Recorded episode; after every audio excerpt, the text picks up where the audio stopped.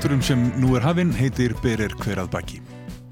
Þáttur um bakverði íslenskrar dagur tónlistar, fólki sem leikur inn á hljómplutunar. Þáttur dagsins er tilengaður trómuleikarunum Þorvaldi Þór Þorvaldsinni. Ég heiti Karl Hallgrímsson og er umsjónarmæður þáttarins. Þorvaldur Þór er, eins og flest fólk sem hefur atvinnað því að leika á hljóðfæri á Íslandi, gríðarlega fjólhefur listamæður. Hann bæði semur og útsettur tónlist og við trommusettið er hann jafnvígur á funk og jazz, folk og pop, rock og hip-hop. Gestir þáttarins eru auk Þorvaldar sjálfs þau Elisabeth Ormsleff, Einar Valur Skeving og Guðmundur Óskar Guðmundsson. Öll laugin sem heyrast í þessum þætti eiga það samílegt að á trómmunarleikur Þorvaldur Þór Þorvaldsson. Bílur og landakort Ég græt, ég græt,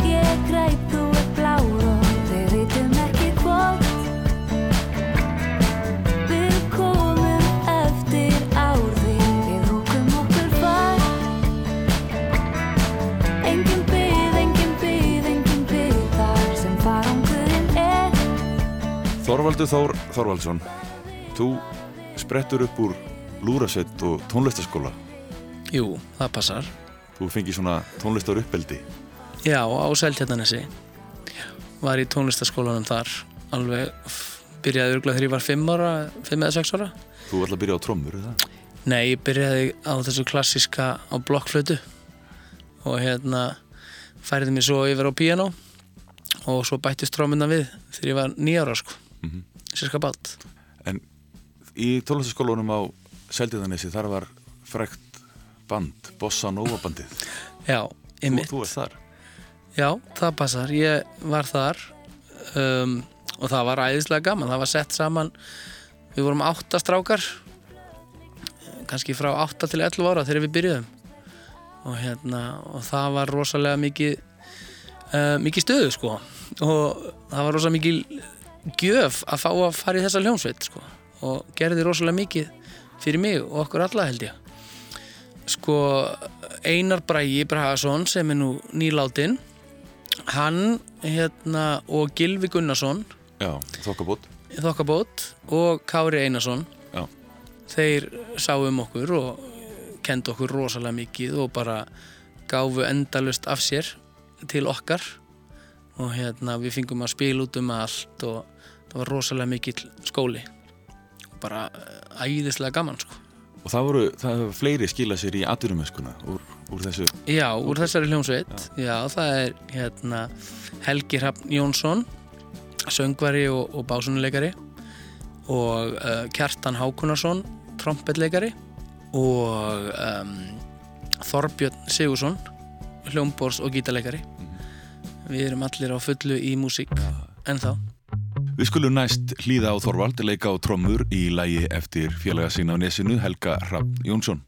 Það er lægi Stuck in Traffic.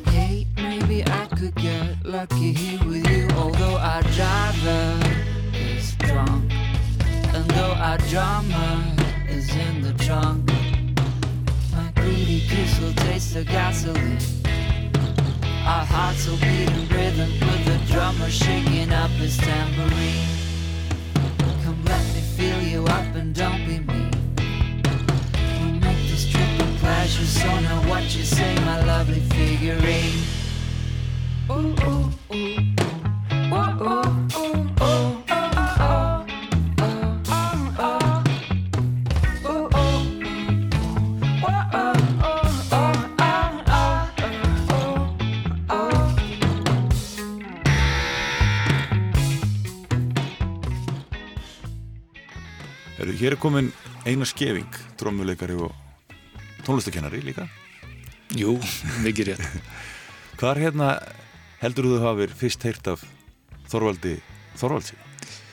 E, það var nú bara e, þegar ég var að kenna í tónlistarskólanum á Seltjarnesi. Ætli ég hef ekki verið 18 ára gamall og, og dotti um 12 ára og kend honum í eitt vetur og e, sá þá náttúrulega að að hann var svona hann var svona mikið efni maður færi ekkert svona nefnundur á hverjum degi svo flutti ég til Bandaríkjana og, og fór uh, til Miami í nám. Og uh, svo var ég orðin aðstofakennari við skólan og, og þá kemur Dotti sem sagt í í nám þar og, og hérna, já já, þar lág okkar leiður aftur saman og, og hérna bara hinum með við hafið Getur þú bent á ykkur einkenni? Er eitthvað sem að einkennir hann? sko ég myndi ég myndi segja bara fyrst og fremst er hann náttúrulega bara verulega músikalskur og uh, með með bara svona náttúrulegt tímaskinn hérna, sem að alltaf frábæri trommar að þurfa að hafa og þegar að þetta tvent kemur saman þá er náttúrulega von á góðu og, og hérna og svo er hann náttúrulega bara frumlegur og já, grúfundur og, og uh, ná, skemmtilegur og frábær í, í samstarfi. Við hlægjum alltaf endalust þegar við hittumst. Ferðin var töff Társviti og blóð. Hún var tróðin Þessi grýta sló. Velkomin Hér áttu heima. Hér máttu sannarlega Láta því dreyma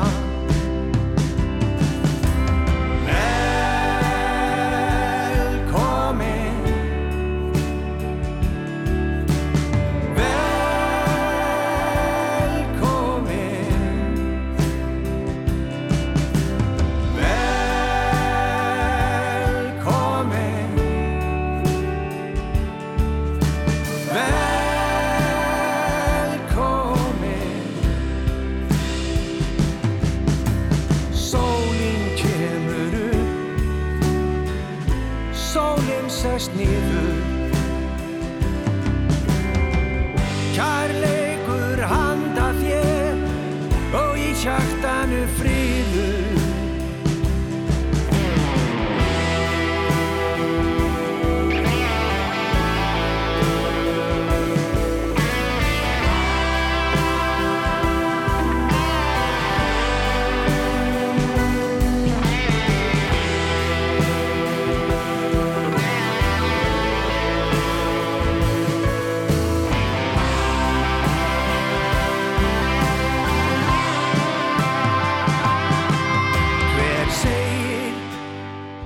Næsti viðmælandi er bassalegarin og upptökustjórin Guðmundur Óskar Guðmundsson.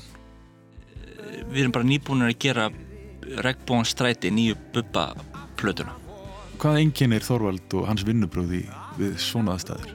þú veist, hann er alltaf svakalega professional sko. alveg frá frá fyrsta frá fyrsta pósti sem að kannski bara hérna, eru þið til veist, er, eru menn til í þetta eða þú veist, þá er þá er hann alltaf fyrstur til að svara.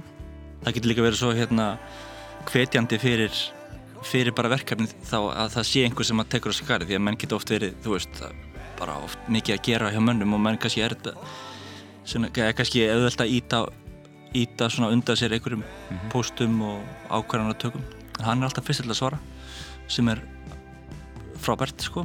Og þá var hann ekkert að segja bara já ég, hérna, ég er til en ég bara þú veist að ég er hérna fættið tannlæknis milli 1 og 2 á mánudeginum hann er, annars er ég laus. Þannig að, þannig að frá, alveg frá fyrsta pósti er hann bara alveg mega professional og, og hann er svona já mikið fyrir líka bara við tölum þú veist ringja, ringjast á áður hann að upptökuna byrja leggja línunar hvað þú veist hvað vilt að ég komi með hvaða sound viljum við hvaða trómusett Er, er þetta oft eitthvað sem að þú ert búin að- að ræða við eins og Bubba þessu tilviki? já, Þú veist, hvað viljið þið fá áður en hljófarleikarinn mæta á sveiði?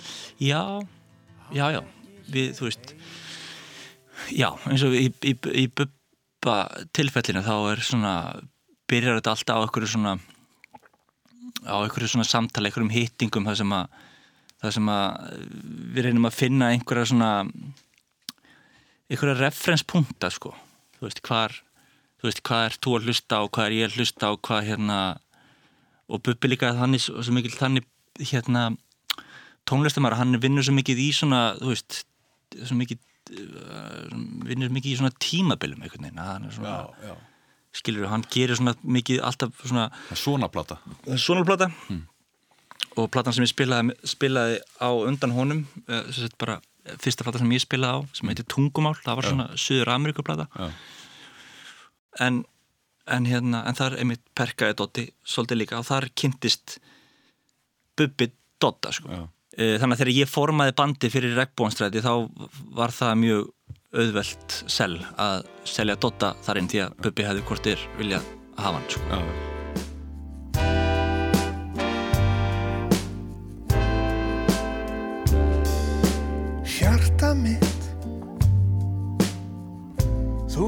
Að ég er æðin þín. Og þú munt alltaf þarnast mín. Á meðan æfi sólin skín.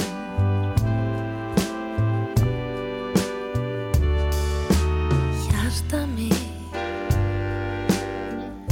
Þú veist að ég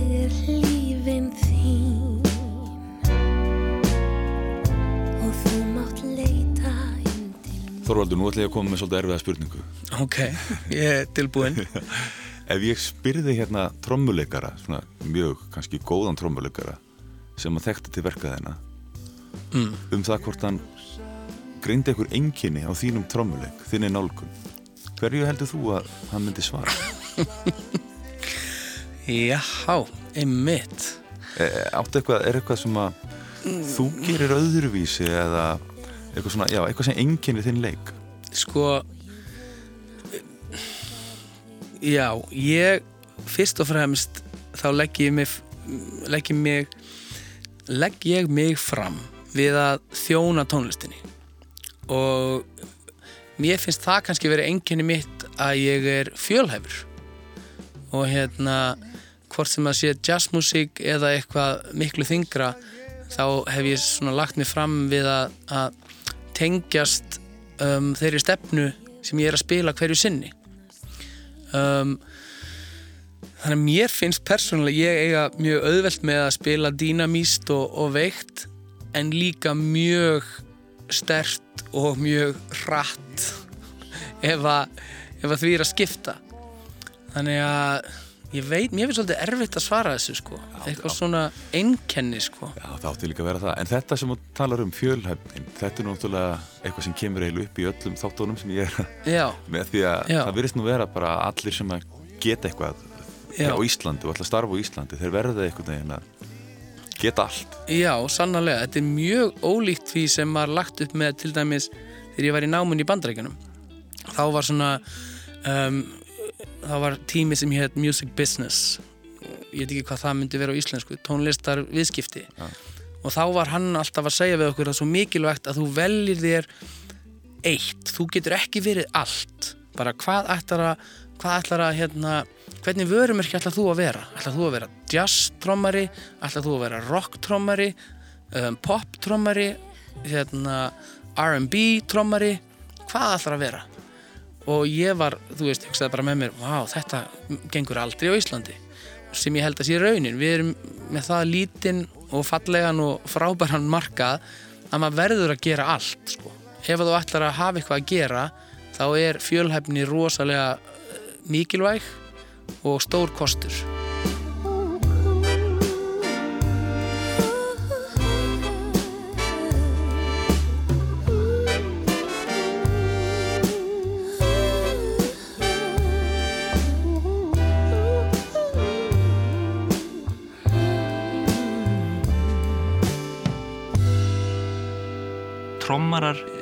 svona flokka svolítið í svona tvo flokka. Það er annars vegar svona trommar sem tromma takta og svo eru trommar sem tromma á hljóðfari. Já, skilur og þar er, veist, þar er Dotti hann er definitely þar skilur hann er að, hann er að spila hljóðfari.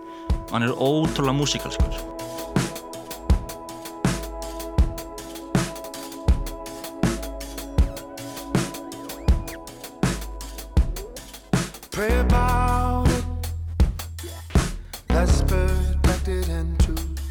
I pray around it. That's fully fulfilled with you.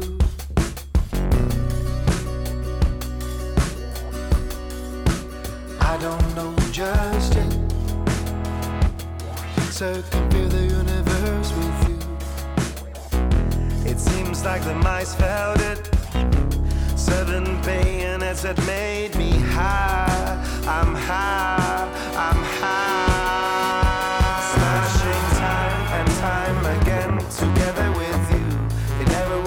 song, but now we have to bring back the source, liberate you.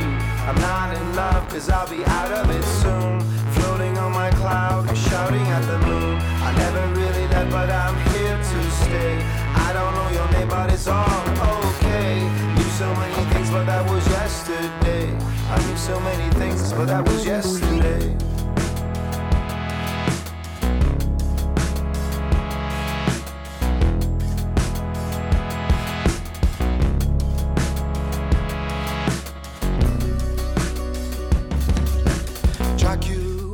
Það er alltaf fylgir hlutir sko og hann er mjög ófæmið að gera það og, og býr til og býr til eitt, eitt gott dæmi um svona trommu beat og trommu take sem að sem að er svona algjörlega það er bara þú veist sem að hérna einkennir hann rosa mikið og hann á alltaf á, á hérna þó að kannski ekki margir vita að því hann trommar sér sett uh, hjaltarinn lagið We Will Live For Ages sem er svona sem að kom út fyrir núna fjórum, fimm árum síðan eitthvað slags og þá var einmitt Axel fjárverandi mm -hmm. fljúa einhverstaðar og þar er hann að not, þú veist, þá, þá takturinn verður svo, bítið verður svo einkennandi því að hann er með sko einhverjar, einhverjar skelljar á TomTom 1 sko og nota það sem svona ah, skilur, nota það sem svona uh, ekki backbeat en nota það sem svona, þú veist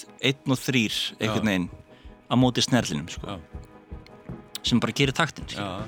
sem er er mjög öðrugt að apa það eftir eða þú ert ekki með sömu skelljarnar, sko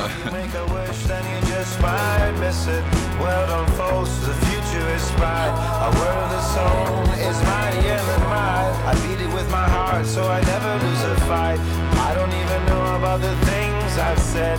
I don't even know how many times we met.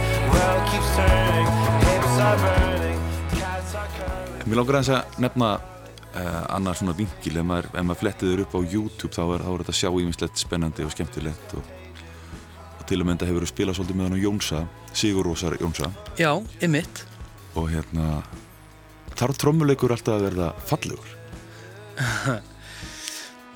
Nei, hann þarf ekkert að vera fallegur að mínum að þið þarf trómuleikur alveg eins og allur annar hljóðfæraleikur bara að þjóna læginu og stundum á það að vera eitthvað já, innan gæsilappa ljótt eða kannski meira svona gróft. Stundum hendar það vel. Ég sankað að mér alls konar rusli og svoleiðis dóti. Og hérna eða bara ég man til dæmis með Jónsa þá var ég alltaf með svona uh, bjórglasa bakka úr járni sem var festur á symbalastatíf og svona harður járnbakki og svo var bara bóra gat í hann miðjan og hann settur á symbalastatíf og það gaf frá sér svona mjög kvelt hljóð og sem ég notaði til dæmis já, allan tíman sem ég var með honum. Þannig að það er dæmi um eitthvað svona skrítið. Svo er annað dæmi, það er í, það er í teilamynda í lægi sem ég ætla að spila hérna. Þetta er upptaka frá Belgíu á tónleikum, í risastórum tónleikum með Jónsa. Já. þar ertu, maður sér á, á myndum að þú ert búin að setja symbala ofan á trommuskinnið á, á snýriltrommuskinnið Já, ymmit Já, það, það er dæmi um, um eitthvað svona hljóðbreytingu og gera eitthvað svona nýtt hljóð. Og ég fekk þessa hérna, hugmynd að láni frá um, finskum trommara sem heitir Samuli sem er nú hefur verið viðriðin íslenska tónlist nokkuð. Hann hérna, verið mikið í hljónstinni Múm meðal annars og hann til dæmis trommaði inn á þessa soloplötu hjá Jónsa sem heitir Go um, sem ég fór síðan á, á túrin með. Þannig að ég hérna sá þetta hjá honum og apaði þetta upp eftir honum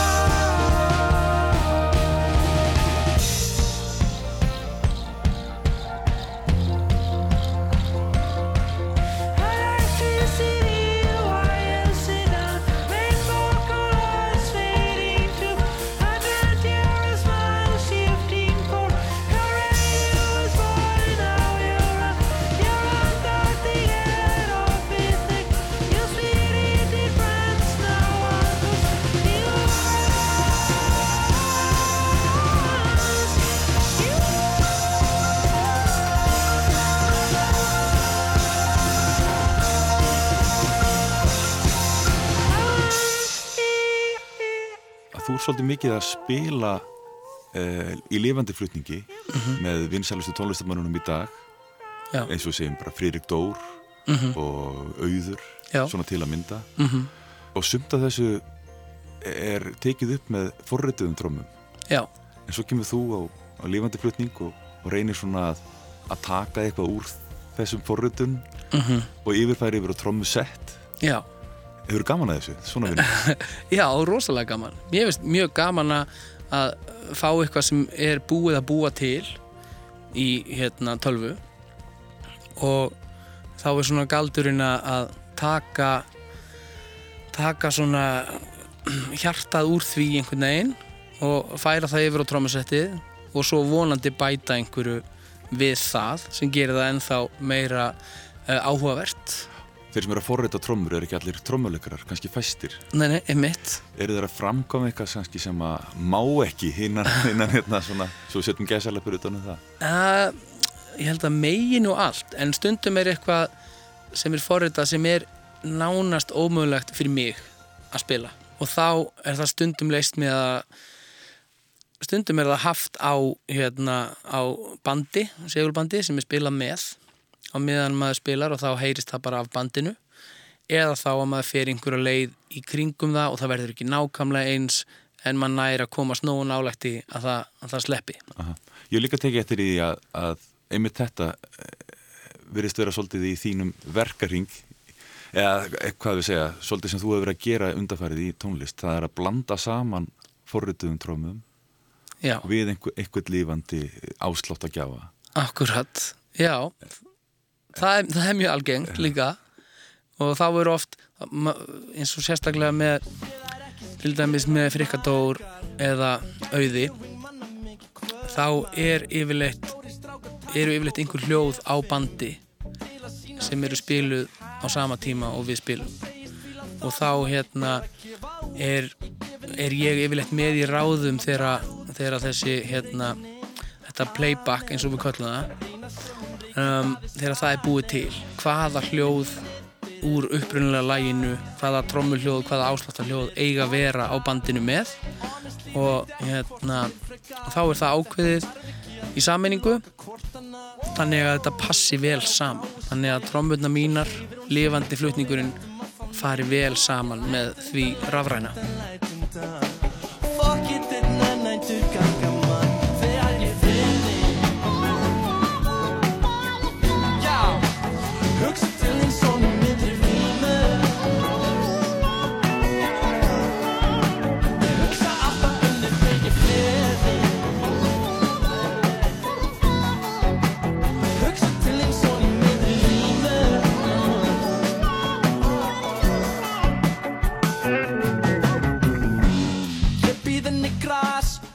fyrir ná bað. Hún kasta pínu upp, en mér er saman það.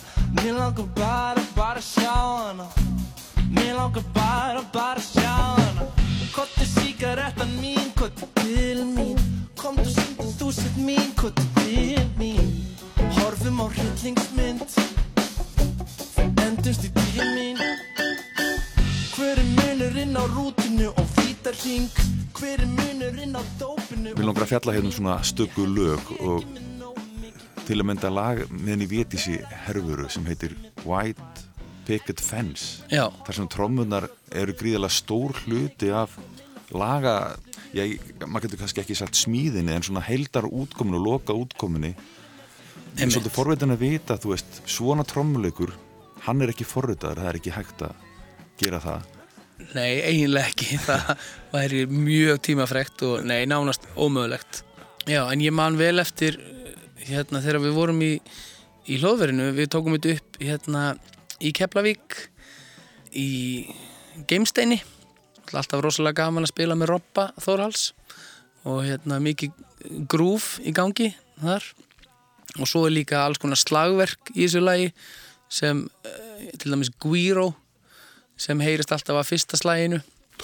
Já, emitt og alls konar eh, svona smáatriði sem, sem gera þetta þetta grúf eða þetta þel.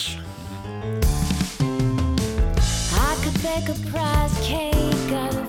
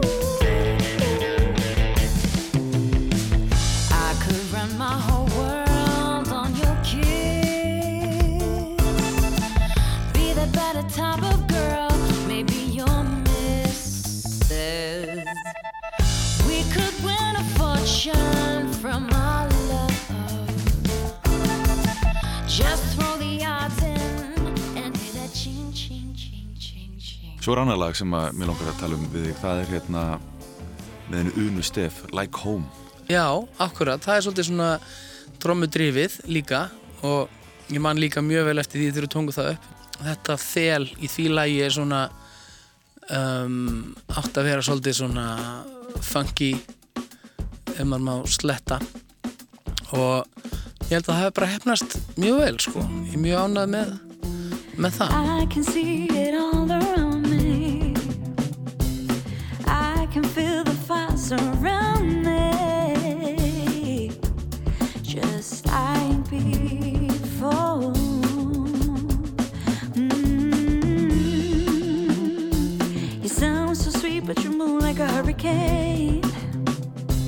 You know I never meant to get in your way. Just like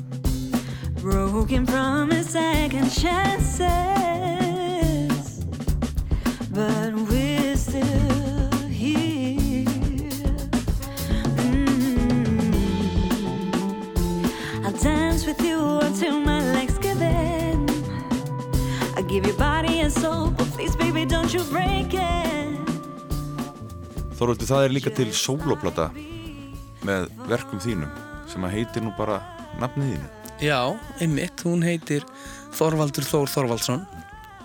Og hérna það var plata sem ég var komið með í magan semst, já, já, ég er ekki komið illt í magan ég var komið plötuna í magan þegar ég var að flytja frá bandaríkjunum til Íslands 2009 og þá var þetta eitthvað sem svona músík sem ég var búin að vera að semja á þessum árum út í bandaríkjunum og ég varð að koma þessu frá mér. Já. það var bara engin spurning. Þannig að ég fekk Eithor Gunnars, Ómar og Óskar uh, Guðjónsinni og bandarískan bassaleikara sem heitir John Estes og við gerum þessa plötu. Og það var svona rosalega rosalega gaman, er ég að segja Fylgdu þessu eitthvað eftir? um, Nei, ekki mikið. Við gá, hún, eða, semst, hún kom út um hausti 2009 og við heldum útgáfatónleika á jazzháttíðinni það ár í Iðnó. Og það er uh, mjög minnistæði tónleikar fyrir mig. Gekk rosalega vel og það var fullt hús og seldi fullt af plötum og voðalega gaman.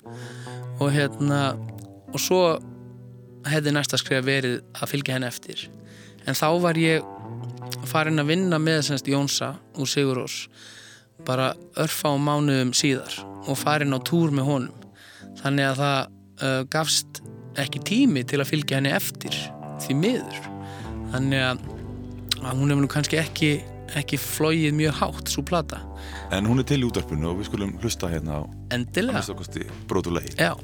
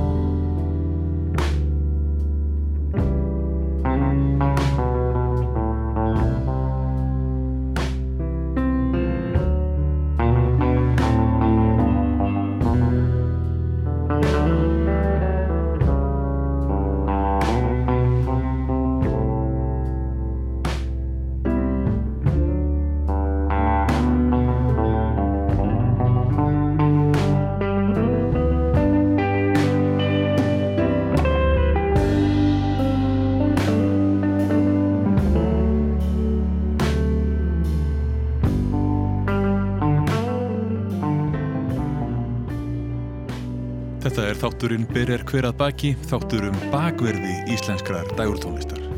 Þáttur dagsins er tilengaður trommuleikarunum Þorvaldi Þór Þorvaldsinni.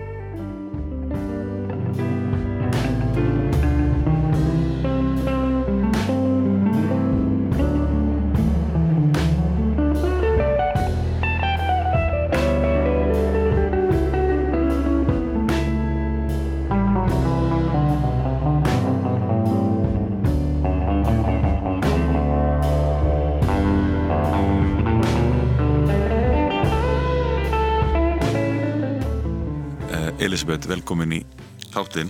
Takk fyrir. Þú átt nú eitt vinsalasta lagið á Íslandi setni hluta síðast árs, Já, lagið Sugar og þar er hann Þorvaldur að spila á trommur. já, En þú vinnur þetta lag með bandaríska upptökustjórunum Zoe. mhm. Hún er eina nýbúunum okkar. Hún er eina nýbúinum okkar, já. Við sendum það saman. Hún, hún á upp, veist, uppruna eh, sest, upptökin af þessu lagi. Já, Síðan bara kom ég inn í og setti smá flera á það en hún, hún á meiri hlutan í því. Á hvaða stíði er svona lag þegar að þið sýnið það trommuleikarun? Það er komið mjög langt. Það, við vorum búin að taka upp alla, alla vókala og rattir og live bassa og já, við sendum, hann kom inn í stúdíu til að taka upp sko fjögur lög fyrir okkur og hann bara hlustar á þetta og kemur síðan og bara mætir og er bara með hugmyndir. Hann bara byrjar og við notum það svo við fílum og það er bara það, það er það sem er svo geggja við hann Dotta hann algjörlega, hann er svo, hann er með svo mikið sitt flair, hann er með svo ótrúlega skemmtilega nálgun á mismunandi tónlist. Doddi getur spila hvað sem er með hverjum sem er. Og þess vegna vildi ég fá hann. Þannig að hann er bæði þá að elda það sem að þið eru búinir að forrita áður og að bæta sínu nýja Já, hann Við. er með svona viðmið. Veist, Við vorum með bara míti trómur eða trómuheila eins eins og mjög margir gera. En og við ætlum fyrst bara að hafa það þannig. Það átt að vera þannig mjög lengi. En svo bara kom eitthvað við fengum bara eitthvað svona flugu í hausinn bara þetta verður að vera live trómur það bara verður að vera. Og um leið og hann kom og kláraði og þær voru aðeins mixaðar þá bara lagið fór upp á allt annað stig. Ég man að ég fór í hljóðverið og þá var búið að gera sem sagt svona tölvutrommur við lagið og mitt hlutverk var í raun að bæta lifandi trommuleik yfir það og eitt af aðalatriðunum var að- ég myndi spila yfir og síðan skreita lagið og það er ekkit endilega í, í forgrunni í laginu, í hljóðblönduninni en en það gefur samt svona auka líf sem er mjög erfitt að, að, búa til fyrir fram að tölvuskjá á, hérna, á hljómborði. Og þetta er kannski eitthvað sem já, svona gefur því eitthvað aukalega og glæðir það lífi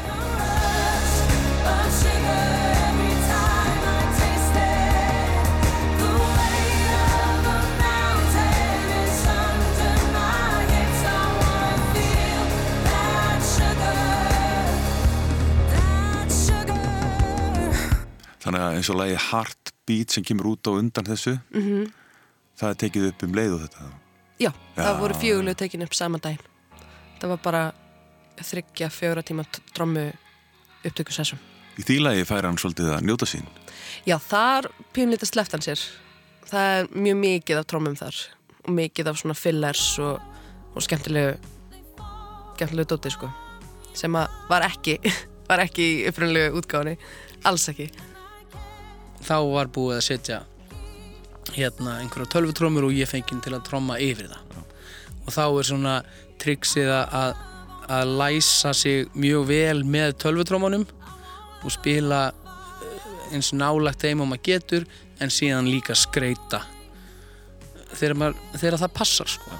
En er skrautið tekið upp sérstaklega?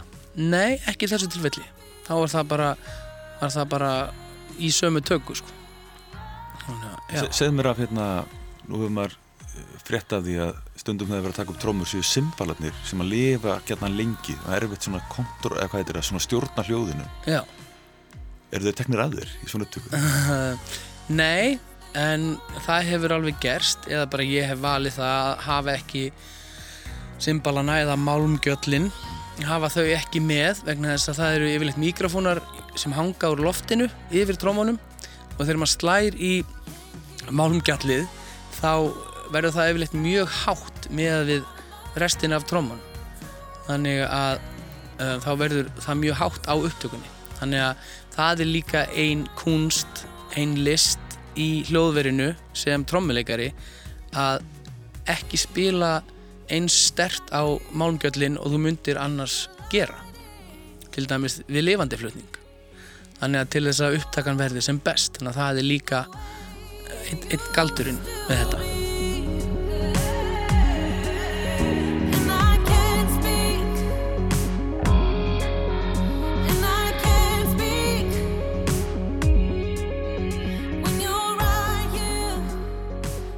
Ég man að ég fekk uh, komment frá uh, sérst, virtum upptökustjóra sem að ég ber miklar hérna, byrningu fyrir. Hann sagðist einmitt bara trommunar sánduðu uh, aðbörðarvel skilur og það er svona svolítið dotti þú veist, það er bara einhvern veginn það er bara sánd, þú veist, hann lætur að sánda svo vel skilur Náttúrulega hann spilar alltaf vel, maður, það, það, það er bara svona given. En hann er líka svona þannig að þú veist eh, kannski það er ekkert allir endilega þar skilur að, að hérna pæla mikið í hvernig hver, hver tromma sándar þú veist hvernig þú veist hvaða sniltromma við nota og bara hvernig þú veist í hvaða tjúni eru tomtomanir og flórtómið miðað við tómtegundina sem er lægir í og svo, svo framvegist þannig, að, þannig að það er svona það er mjög auðvelt að taka hann upp skilur það er mjög auðvelt að þarf ekki að hérna, þarf ekki einhverja rándýra mæka og, og, og hérna og kompressora og, og einhver til þess að láta hann sánda vel, hann bara sándar rosalega vel. Um, En hann er hérna í svona tónlist eins og með Bubba sem eru ég er svona tildulega hefðbundnar hljómasamsetningar. Mm og ekki, ekki rosalega margir hljómar. -hmm. er hann þá að stilla tom-tom trommunar eftir tónum sem að heyrast í læginu Já, það þarf alltaf það þarf að, já, já. Það þurfa að vera í, í samingi við lægið, sko. Og það er svona lúksu sem að þú getur kannski ekki gert á tónleikum. Þið leiði ykkur þetta í hljóðverinu. Já, já, Ég sá heimsins börn blóðu á flótta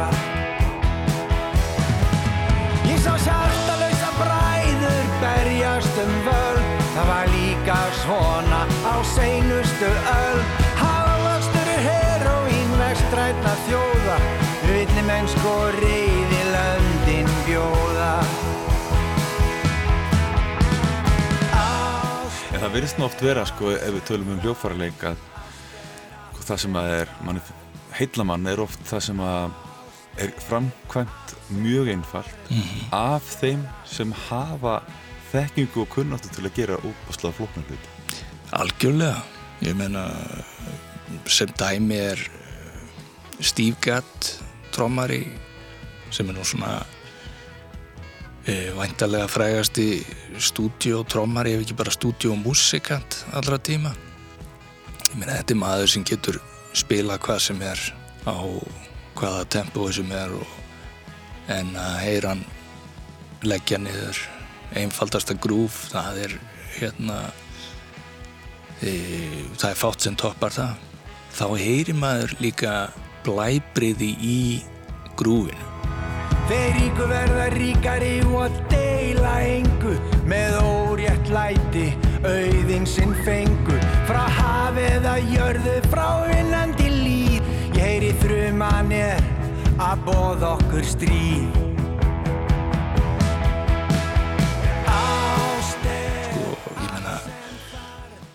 tíu trommarar geta spilað sko bara eitthvað bítlagrúf búm, tjeng, búm, búm, tjeng og það ég meina þeir hljóma allir mismunandi. Þó þeir séu allir á sambærilegum level og blæbriðin geta alveg skinið í gegn þó að hlutinni séu einfaldir. Allt sem þarf ást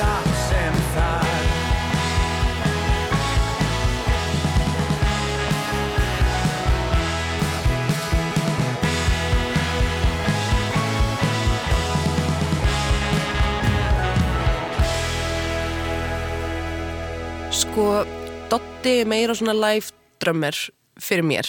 Sest, mín upplifun á honum og hvernig ég kynntist Dotta var að því ég sá hann spila live. Og hann náttúrulega spilar bara með ymsum, fullt af fólki. Og þar einhvern veginn heitlaðist ég af hvernig hann trómar því hann er bara, hann er bara einn besti trómar á Íslandi, það er bara þannig. En hann er náttúrulega búin að vera að vinna með Bubba mjög mikið nýlega og Bubbi var að taka þetta upp hjá Guðmund Óskari og Atta 800 og þeir eru í sko sama húsi og ég og Sá eru með stúdíu þannig að ég get svolítið fylst með upptökunni á allri plötun og Bubba. Bubbi var hann bara í marga vikur okkur minnsta degi. Og það finnst mér óbúslega vel og fallega, fallega tróma hjá honum. Og svo komst ég að því bara um daginn að hann trómaði inn á nakin með í svörtum fötum sem að ég var náttúrulega í svörtum fötum sko fann dauðans þegar ég var krakki. Hann var bara írafár og í svörtum fötum þannig að mér finnst geggjað að hann hafi gert það. Ég, ég þarf að velja að ræða það við hann. Spyrja nútið hvernig það hefur verið. Þetta er svo iconic lag. Ég hugar heiminn minn og þér virtist líka það.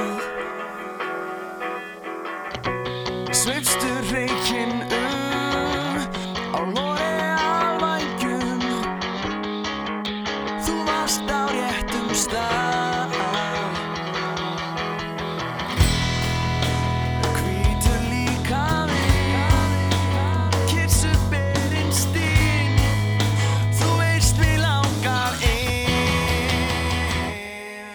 En svo ferðu í hérna ballhljómsveit eins og menn gera.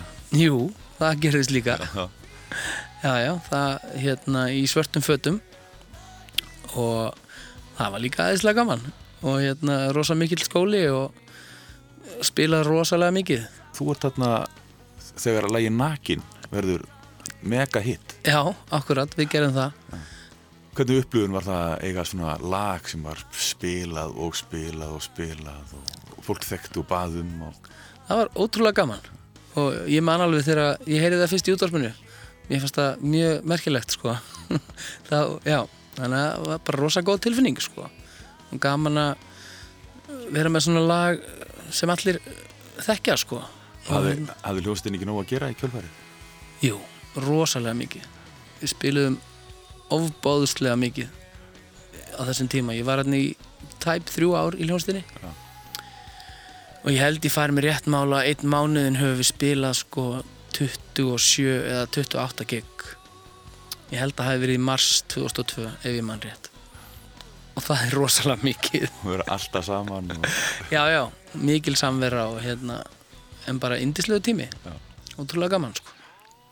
Hvað fannst þér að gefa þér? Og horfið svona tilbaka á þetta tímabil, hvað fannst þér að gefa þér svona sem trommuleikara að hafa verið í ballhljómsýttinni, að, að apa eftir öðrum trommuleikurum og, og þurfa að spila það í lifandi flutningi.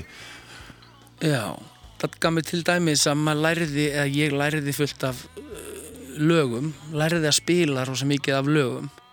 Og það nýtist mér ennþá í dag þegar ég fæ einhver svona verkefni að spila hérna lög eftir aðra, einhver svona gömul þekkt danslög eða eitthvað svona þá þekki ég yfirleitt allan þennan katalóg og þarf yfirleitt ekkert að pæli því, það er bara fast þarna inni í, í bankanum sko. Og maður getur bara vippað því út eins og ekkert sé sko. þannig að það gaf mér meðal annars það. Og já, líka bara herm eftir mismunandi stílum. Það sé góður, góður skóli sko.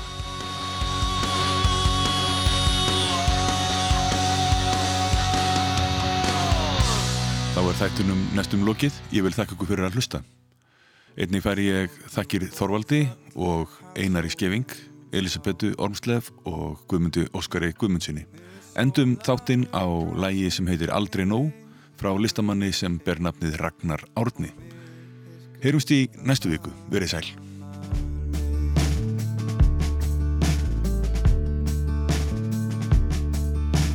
Dreifir þú dagstjarnar draumum um Kallar nætur.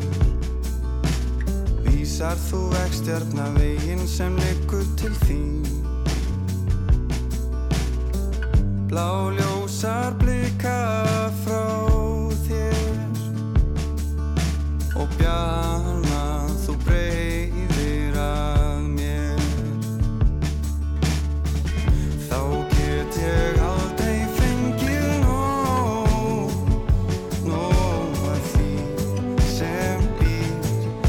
deixaste a fé.